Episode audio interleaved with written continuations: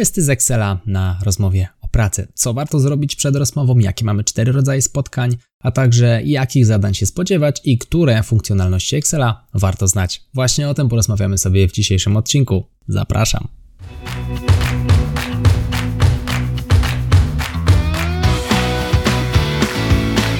Chcesz przenieść swoją karierę na wyższy poziom? Nieważne, czy pracujesz na etacie, czy jesteś przedsiębiorcą. Świetnie trafiłeś.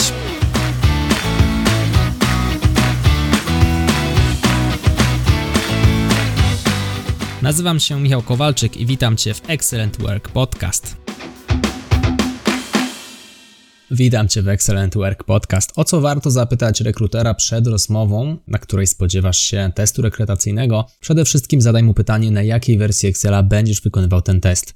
Obecnie w biznesie popularne są następujące wersje 2007, 2010, 2013, 2016, 2019 i model subskrypcyjny, czyli najnowsza możliwa wersja Excela 365. teraz w zależności od tego, na której wersji Excela będziesz pracował, takie będziesz miał możliwości dostępne. I tak na przykład taka funkcjonalność jak Power Query nie występuje w Excelu 2007. Swoją drogą ten Excel jest już dość archaiczny, natomiast nadal używany w biznesach, a więc możesz się z nim spotkać. Zapytaj rekrutera, na jakiej wersji Excela przyjdzie Ci pracować, bo łatwiej będzie Ci po prostu się do takiego testu przygotować. Zapytaj też rekrutera, czy wersja językowa Excela, na którym przyjdzie Ci pracować, to wersja polska czy wersja angielska. Wpływa to na to, w jaki sposób wywołujesz formuły.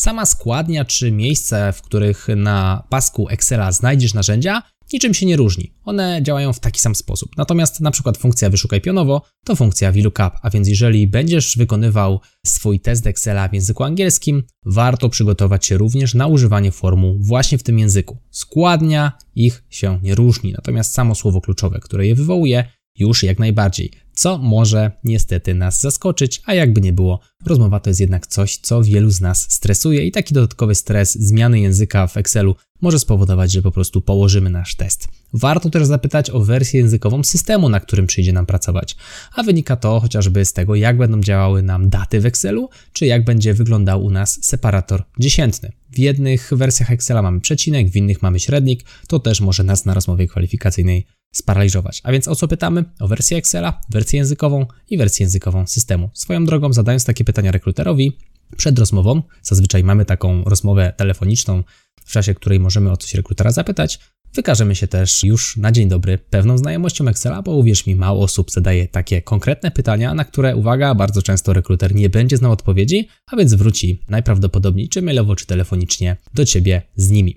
Cztery rodzaje sprawdzenia Twoich kompetencji. A więc zaczniemy od zdalnego pytania przez telefon. Zdarzają się jak najbardziej tego typu testy, czyli pytania w stylu na przykład po której kolumnie szuka funkcja wyszukaj pionowo, albo jak działają table przestawne, opisz w kilku zdaniach.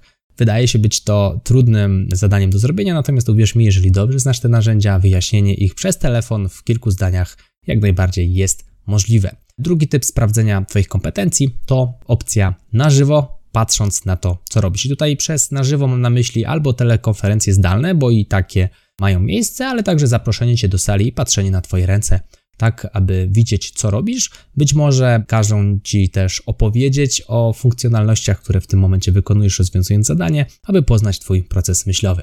Trzeci typ sprawdzenia Twoich kompetencji to na żywo, nie patrząc. Czyli w tym przypadku albo dostaniesz test na maila, który będziesz musiał wykonać do pewnej daty, i rekrutera wtedy nie interesuje sposób Twojej pracy, mam na myśli nie patrzy na to, co robisz.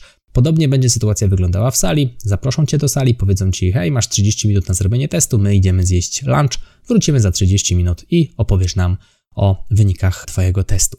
No i na samym końcu taki, mm, bym powiedział, najbardziej zaawansowany sposób sprawdzenia Twoich kompetencji, raczej spotykany na wyższych stanowiskach, może już niekoniecznie specjalistycznych, ale starszego specjalisty czy menedżerskich, to sytuacja, w której dostajesz komputer, dostajesz zadanie i osoby, które weryfikują Twoje zadanie, w ogóle nie są zainteresowane, jakimi narzędziami w Excelu będziesz się posługiwał. Ich interesuje tylko i wyłącznie decyzja, którą podejmiesz na podstawie tego, co sobie gdzieś tam w Excelu wyliczysz. A co ty tam wyliczysz i jak ty to zrobisz, ich totalnie nie interesuje. Interesuje ich tylko decyzja. To jest przykład faktycznie trochę wyższych stanowisk. Miałem okazję na takiej rozmowie kwalifikacyjnej być.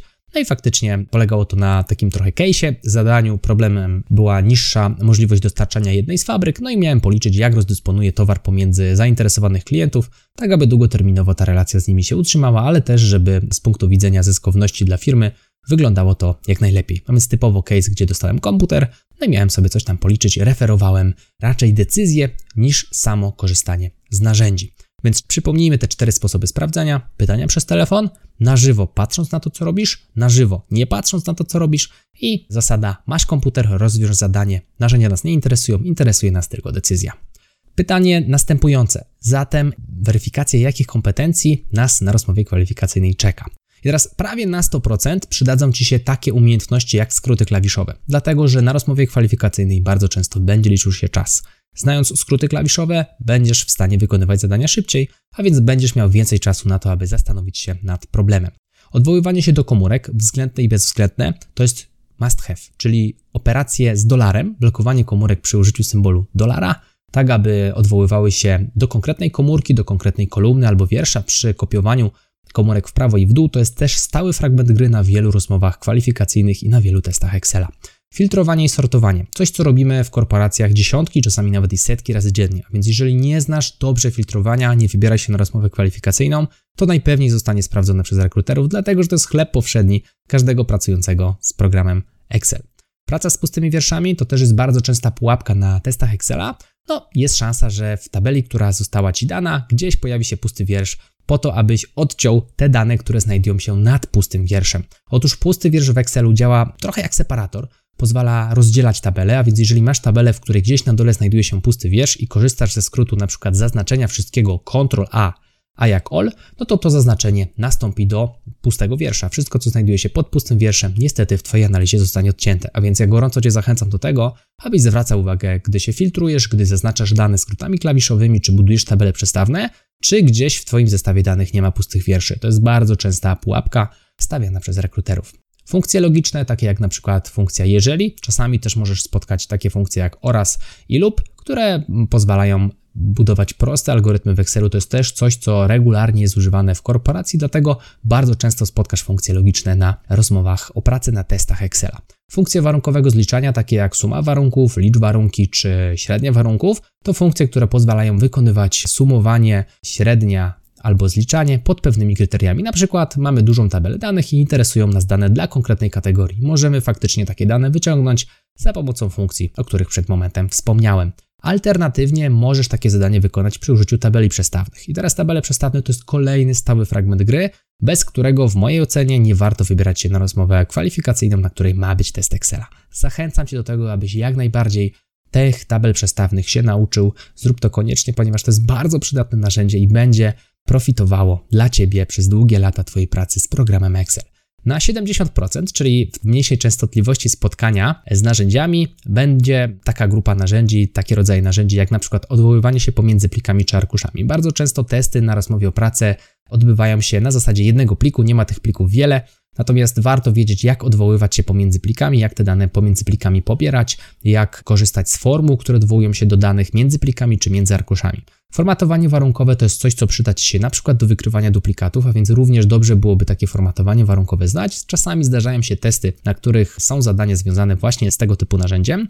Duplikaty i praca z duplikatami to jest też stały fragment gry na rozmowach kwalifikacyjnych, może nie aż tak częsty jak na przykład praca z pustymi wierszami, natomiast nadal warto wiedzieć, jak sobie radzić z duplikatami, jak takie duplikaty wykrywać, czy jak je usuwać. Funkcje tekstowe, które pozwalają nam wyciągać fragmenty danych z konkretnej komórki albo obszaru komórek, to jest też coś, co naprawdę warto znać. Nie spotyka się ich na rozmowie kwalifikacyjnej aż tak często jak na przykład tabele przestawne, ale przydają się regularnie w pracy korporacyjnej i również na rozmowach o pracę. Praca z czasem, praca z datami, praca z godzinami, to jak Excel traktuje daty, w jaki sposób to działa, jak mm, odsuwać się od daty o konkretną liczbę dni, jaki jest na przykład sposób na poznanie ostatniego dnia miesiąca. Takie zadania jak najbardziej na rozmowie o pracę się zdarzają, dlatego warto dobrze pracować z datami i z czasem w Excelu, mieć pełną świadomość i pewność siebie właśnie w zderzeniu z tego typu typem danych. Graficzna prezentacja danych, rzadziej spotykana, ale również popularna, czyli prezentowanie swoich wyników analiz czy zadań